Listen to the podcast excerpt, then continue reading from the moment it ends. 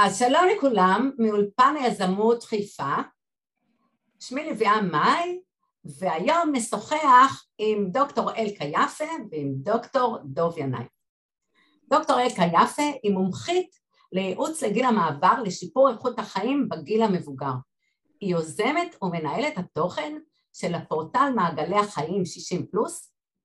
זהו פורטל המרכז צומת מידע נגיש וידידותי לאנשים בגיל הזה, ופותח רעיונות ותכנים להתקדמותם.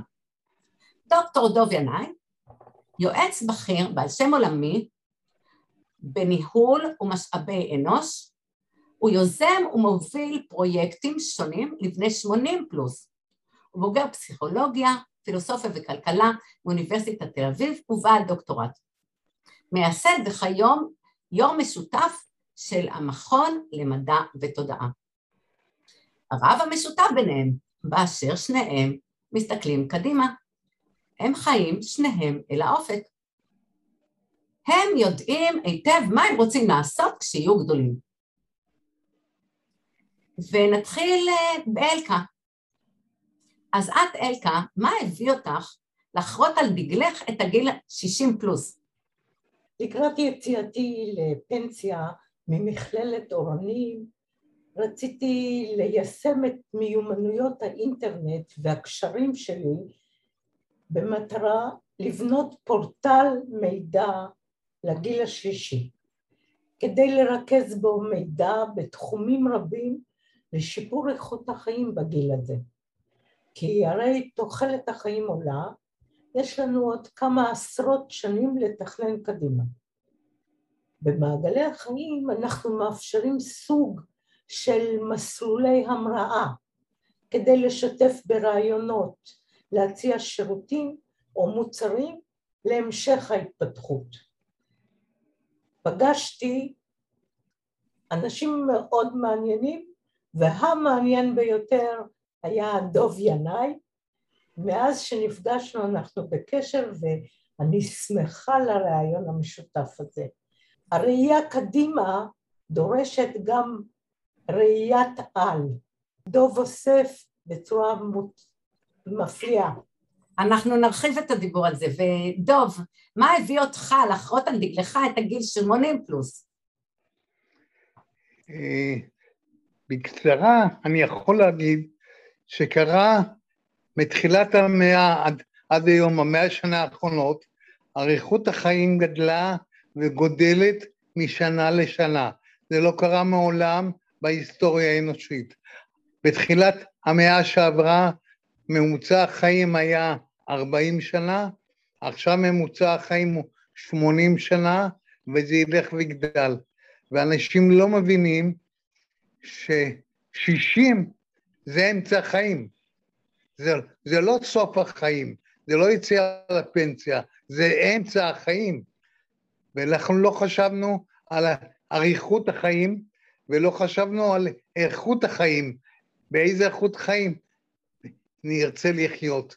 ומאחר ואני חציתי את גיל ה-80, ואני כבר בגיל 80 וכמה, אני אומר שחובתנו היום לחשוב, לחשוב חזק, מה איכות החיים בגיל הזה. שניכם מדברים בעצם על כך שהסיסמה שהעולם שייך לצעירים היא בכלל לא נכונה, ואנחנו יודעים עובדתית, כלכלית, שגילאי 60 פלוס מחזיקים שליש מההון של המדינה. זאת אומרת, בידם החלטות, בידם משאבים. לוי הזה ילך ויגדל, מקבל ה-60 פלוס, ובני ה-80 פלוס, שבעבר הם היו רובם מתים כבר, יגדלו ויהפכו לשליש, ואני צריך לחשוב מה איכות החיים לגבי השליש הזה. ואני חושב היום, אין היום מכונים להכוונה, לתעסוקה, בשביל מה לחיות. סוקרטס היה עוצר אנשים ברחוב ושואל אותם בשביל מה אתם חיים. שלחו לי מישהו מקופת חולים שלמדה, גמרה דוקטורט בגרנטולוגיה, והיא אמרה, אוי ויי, יש מלא שטיחים, אתה יכול ליפול. אני אמרתי לה, גברת, אני יכול ליפול, אבל בשביל מה לחיות? אז היא אמרה לי? אני לא, לא עסקתי באוניברסיטה מעולם בשאלה בשביל מה לחיות. למדנו, אם לא, מקפלים את השטיחים, לא תיפול. ואם תיפול, יש מה לטפל בך. למי שיש את האיך, מי שיש את הלמה, יש, אין בעיה עם האיך. נכון. ואיך אתם מגייסים את האנשים לטובת הרעיון שלכם, שהוא סופר סופר סופר חדשני? איך השטח מגיב? מה עושים? אני, אני אני הראשונה. כן, את יכולה גם לענות על אה, מה דעתך על זה שאולי גם בעיניים שלך העולם, אה, זה לא נכון שהעולם שייך לצעירים. לא, מאוד לא נכון, okay. אוקיי. ובדף הראשון במעגלי החיים כתבתי שלצעירים נדמה שהעולם שייך לצעירים, וכשהם יבינו שהמבוגרים יכולים לתרום לצעירים עוד הרבה שנים. איך אנחנו מגייסים? פשוט מאוד, אנחנו פעילים באינטרנט, בגוגל עולים מאוד גבוה, כי יש הרבה תכנים. המנוע האוטומטי של גוגל בודק כמה תכנים מעניינים יש, ולפי זה זה עולה למעלה. אנחנו פעילים בפייסבוק ברמה ארצית. הסטטיסטיקה של צוקרברג מראה שממיליון ומאה אלף אזרחים ותיקים בישראל היום, חצי מהם נמצאים בגוגל ובפייסבוק יום יום. זה לא הזקנים של פעם, ותכף תשמעו גם אה, מדוב על הזקנים החדשים, האלה בני 80 פלוס, אבל אני מדברת על 60 עד 70-80, אלה אנשים עם אנרגיות ופעילים, ונכון, חלק מהם אין להם רעיונות מה הם יכולים לעשות עם עצמם, וגם לא מעוניינים לתכנן. ובדיוק זאת השאלה הבאה, לגבי ההיענות. יש לפעמים שההיענות שאני מקבלת דרך המיילים ודרך הוואטסאפ ובפייסבוק היא מדהימה, של אנשים שרואים, מצאו את היהלומים במכרה. ויש לפעמים שאנשים לא מבינים מה אני מתאמצת כל כך, הרי יצאתי לפנסיה, למה אני לא נחה? זה לא מעניין לי לנוח ואני אה, נהנית מכל רגע ואני חושבת שכל אחד שרוצה עדיין לעשות ולתרום, ממש ממש נוכל לתת תשתיות, גם באינטרנט וגם רעיונות שייפגשו. זהו, אחד הדברים שאני שותפה לדוב זה בגישה שאין תחרות. יש מקום לכולם. כל מי שרוצה שיבוא. וזאת הגישה שלי כבר עשר שנים, ואני כך מרגישה. אני גם חברת קיבוץ, ורגילה לזה מאז ומתמיד, שהיחד הוא יותר חשוב מאשר כל אחד נלחם לעצמו. זה נכון גם במובן קינטי. יש שלושה חוקים בקינסיולוגיה, חוק המשיכה, חוק ההתכווננות וחוק האפשור, שאת יכולה ללכת את הדרך שלך בלי לדרוך על אף אחד, אז זה לא על חשבון אף אחד בעולם. יש שפע, מגיעה... יש שפע לכולם. לגמרי, ואני מגיעה לעניין הזה שאי אפשר לזלזל בכך, להחשיב באופן אה, גבוה את הקשרים בשיחות, בפורומים שונים, באיזה מידה זה תופס אצל שניכם את ה... אה, לשכנע את האנשים, כי בעצם עד עכשיו חשבנו שיש בעיה עם הגיל השלישי. עכשיו אנחנו מבינים שיש גיל רביעי, אז כבר אין בעיה עם הגיל השלישי. אז איך שותלים את התודעה החדשה הזאת, הסופר מודרנית, אצל אנשים בשטח, בסביבה שלנו ומעבר? אלקה, את מוכנה לענות? אחר כך דוב יענה. אני מציעה שדוב יתחיל לענות. אין בעיה. זה שנוסע לכל מקום ומגיע וכל קצה של רעיון שהוא רוצה לקדם, הוא כבר בדרכים ונוסע, כמו שאתם רואים אותו. אני חושבת שלוש פעמים לפני שאני רק ניגשת לזום, כי הזום מאפשר לי המון המון דברים. דוב עדיין בגישה שהוא רוצה לראות את הבן אדם, הוא הגיע אליי לאלונים באמצע הקורונה פעמיים, אז כדאי שהוא יתחיל. בסדר. אה, אה, אני- ליביה, כן. אני אפנה בחזרה אלייך. למה? אני אומר, ואלקה אומרת, ואת מסכימה איתנו, כמעט 90, 60 אחוז מהתושבים יהיו בגילאים בפנסיה, בין 60 ומעלה. למה אין תחנת רדיו וטלוויזיה בשבילהם? למה מראים שם רק חתיכות צעירות בנות 22 שמדברות שטויות, ולמה לביאה לא מקימה תחנה לכל 60 אחוז מהתושבים, 50 אחוז מהתושבים. אני רוצה להקים תחנת טלוויזיה.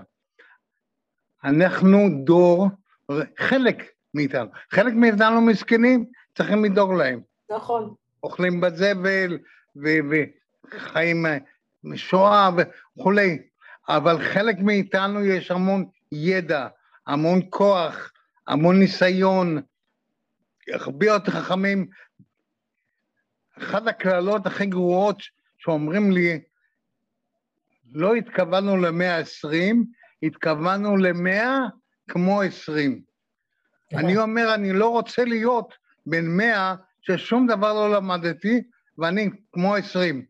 אני רוצה שדוב ינאי בן המאה יוכל לדבר עם דוב ינאי בן העשרים, אבל לא שיגידו, אין, אין מה ל, ל, לעשות פגישה ביניהם.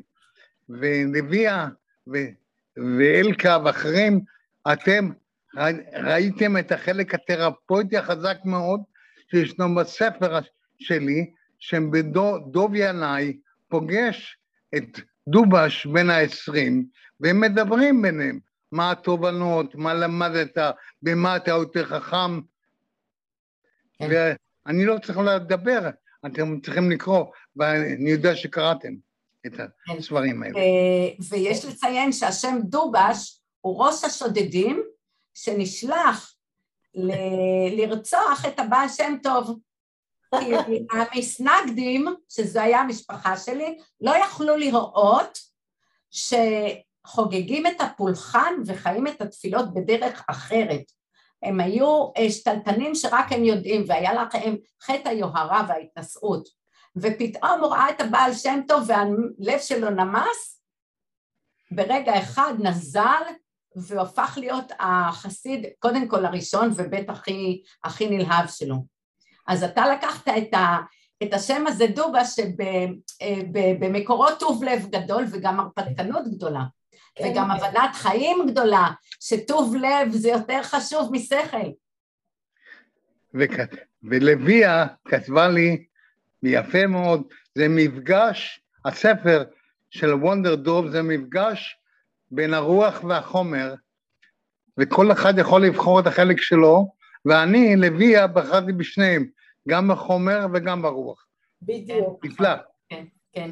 אז אה, עכשיו אני שואלת אתכם, אה, מה הכי עבד לכם בחיים, אה, חיים כל כך עשירים, עם הרבה קבלות, עם הרבה ניסיון, מה, אה, איך אה, יצרתם אה, איזה משפטי השראה או גישות השראה שמחברות את החומר והרוח? מה זה עושה לכם ב, ביום-יום? איך אתם חיים את זה ביום-יום?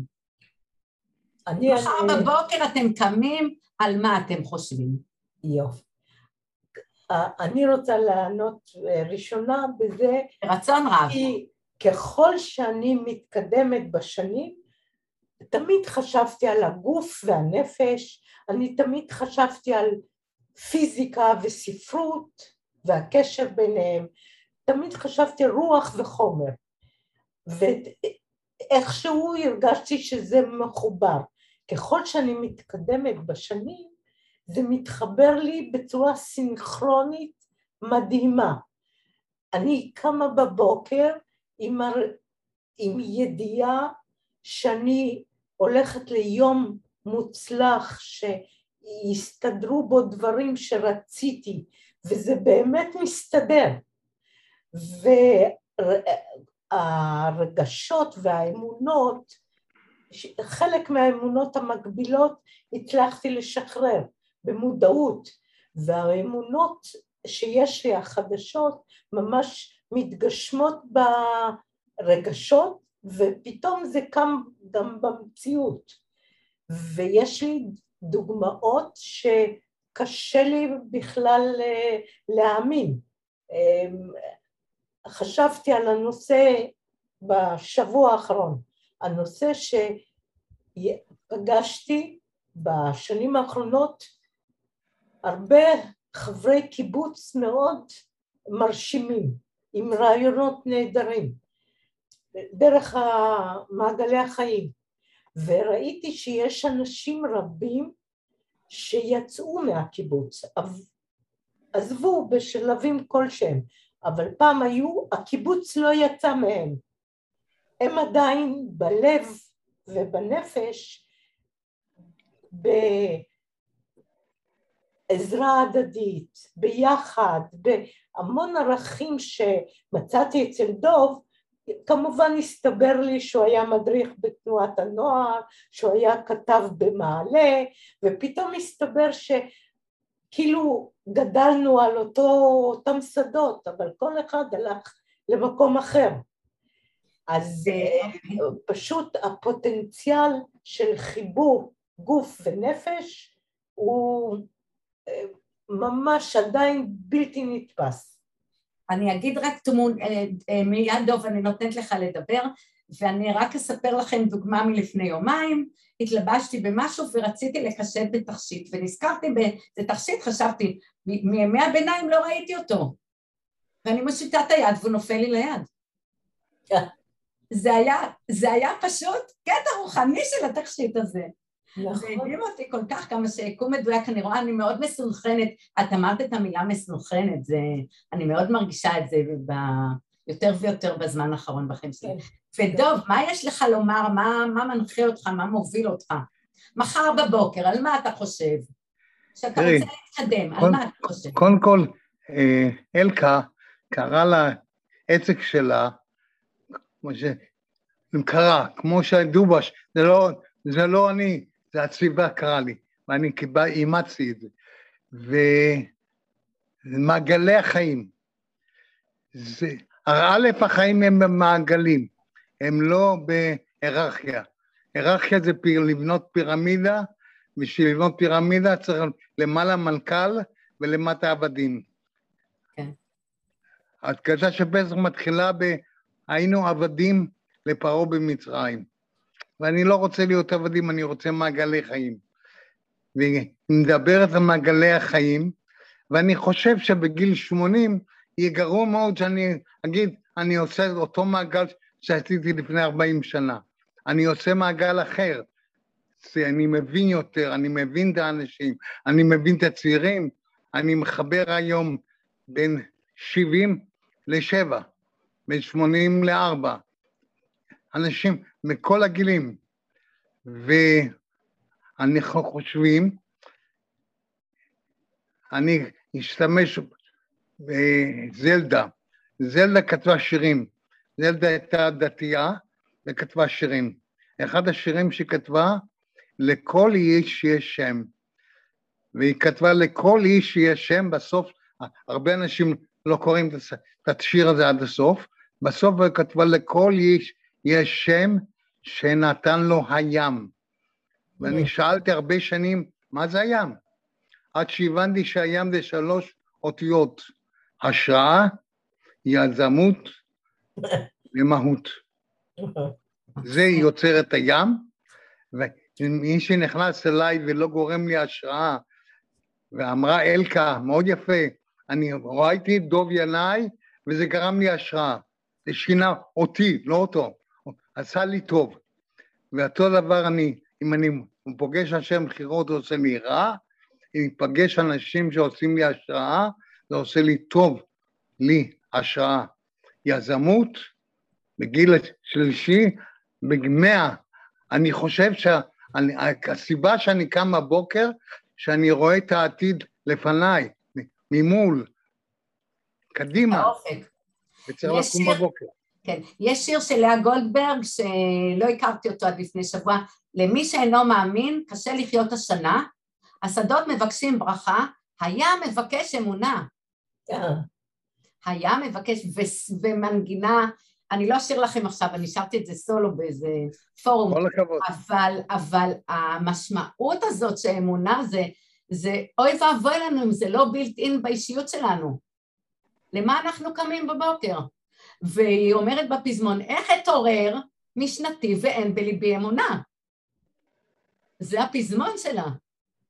זה פשוט אה, הטריף אותי השיר הזה, הוא כבש אותי ברמות כאלה ששיר חדש עם מרכזים טונאליים רבים, אני שרתי אותו מהבוקר עד הלילה, שתיתי אותו, אכלתי אותו, ישנתי אותו, חלמתי אותו. זה פשוט, זה בדיוק. הדבר שאתה מדבר עליו. כל הכבוד לך. אני היום קורא למשמעות, משמעות, בדיוק. אה, משמעות העשייה ומהות החיים. מהות החיים בדיוק. זה האמונה, משמעות עשייה, אני עושה משהו עם משמעות, בעל משמעות.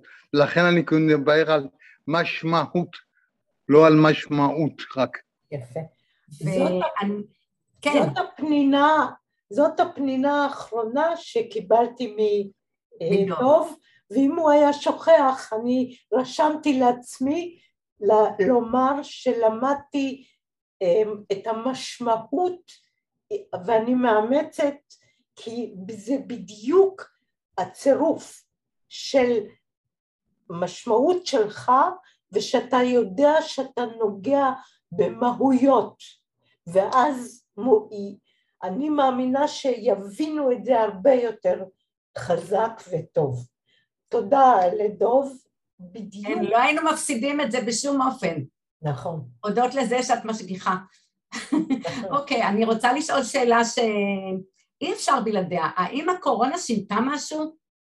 או הגבירה או חודדה? איך, איך, אה, איך אנחנו הושפענו מהקורונה בכל הנושא הזה?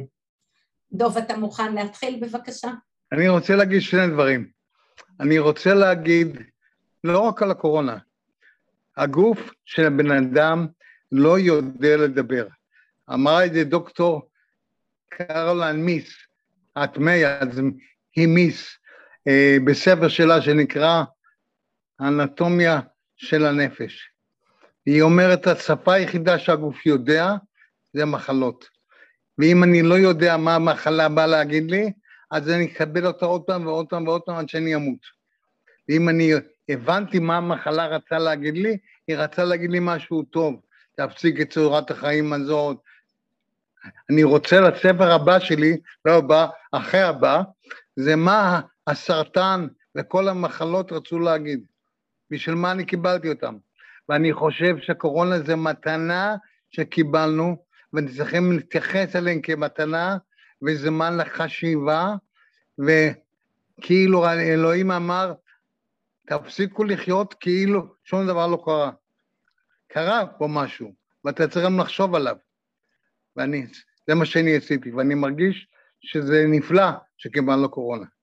ואלקה, מה את חושבת? האם אה, את משתמשת בביטוי הקורונה, קורונה אהובתי, כמו שאני שומעת לא, את זה יותר ויותר? אני, אני רוצה לומר את זה קצת יותר אה, מסובך.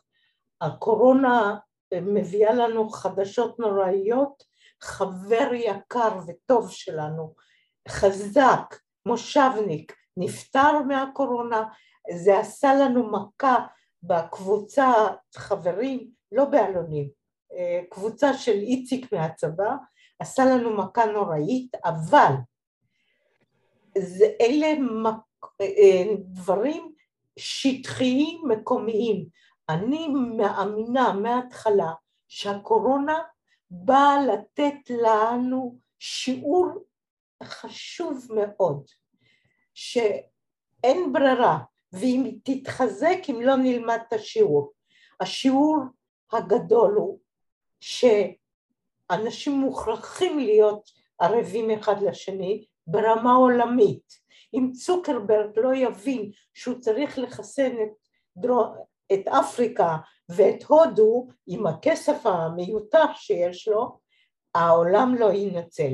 אם אנחנו לא נלמד להפיק מהמצב הזה את הכי טוב שאפשר, פגשתי בקורונה בשנה וחצי יותר אנשים משהייתי פוגשת בעשר שנים אם הייתי בלי קורונה, כי הזום פתח אפשרויות בלתי אה, מתקבלות על הדעת, מארצות אחרות אני מדברת, לא רק מישראל. הדבר הנוסף שהקורונה נתנה לנו, שבעצם הדברים הפשוטים הם החשובים, שיש לך מה לאכול ואיפה לישון ואיזושהי נפש שתהיה קשור אליה, שיש לך איזה מערכת יחסים. וראינו שהבדידות והדברים האלה פוגעים לא פחות מאשר הדברים החומריים, לפעמים הרבה יותר. בקיצור, אני חושבת, ורציתי להגיד עוד משהו בקשר לאנטומיה של הנפש, הגוף באמת לא יודע לדבר. אני מרגישה שעם הגיל אני למדתי להקשיב לגוף שלא מדבר, והוא אומר דברים. אם מקשיבים טוב, אני הרבה דברים מונעת לפני שהם קורים, כי הרגשתי משהו ככה, וטפו טפו טפו, הרופאה אצלנו אומרת לי, את היחידה שאת באה ואומרת לי שאת מרגישה טוב ואת רוצה לברר משהו. ואמרתי לה שזאת המטרה שלי. אבל ההקשבה שלנו פנימה יכולה לתת לנו איכויות שלא ידענו קודם, דווקא בגיל הזה.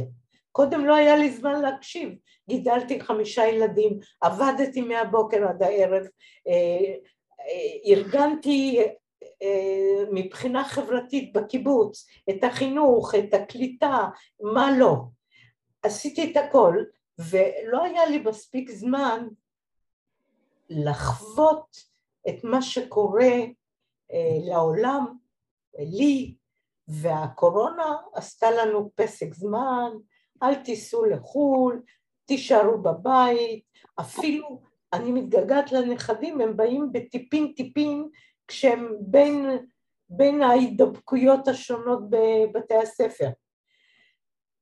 הקורונה נתנה לנו מתנה שאנחנו מוכרחים ללמוד אותה, ממש. ככה אני מרגישה. אוקיי, okay, ומתוך העניין הזה, איך ממשיכים? מה, אה, איפה שמים את הדגש? איך ממשיכים מכאן להרחיב את הרעיונות לדרגת השיח, להוריד את הרעיונות לדרגת השיח? זהו. מה שהכי אהבתי אצל דוב, שהרעיונות הן תמיד עם המשך איך, מה עושים.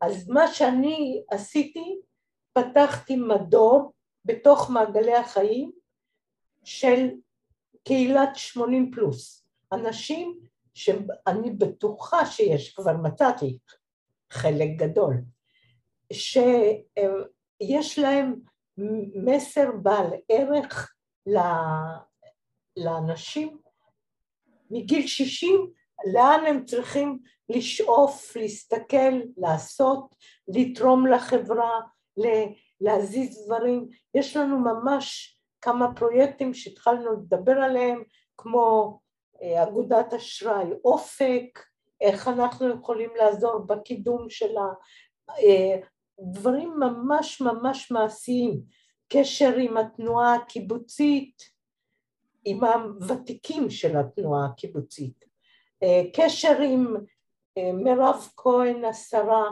שכמו ש...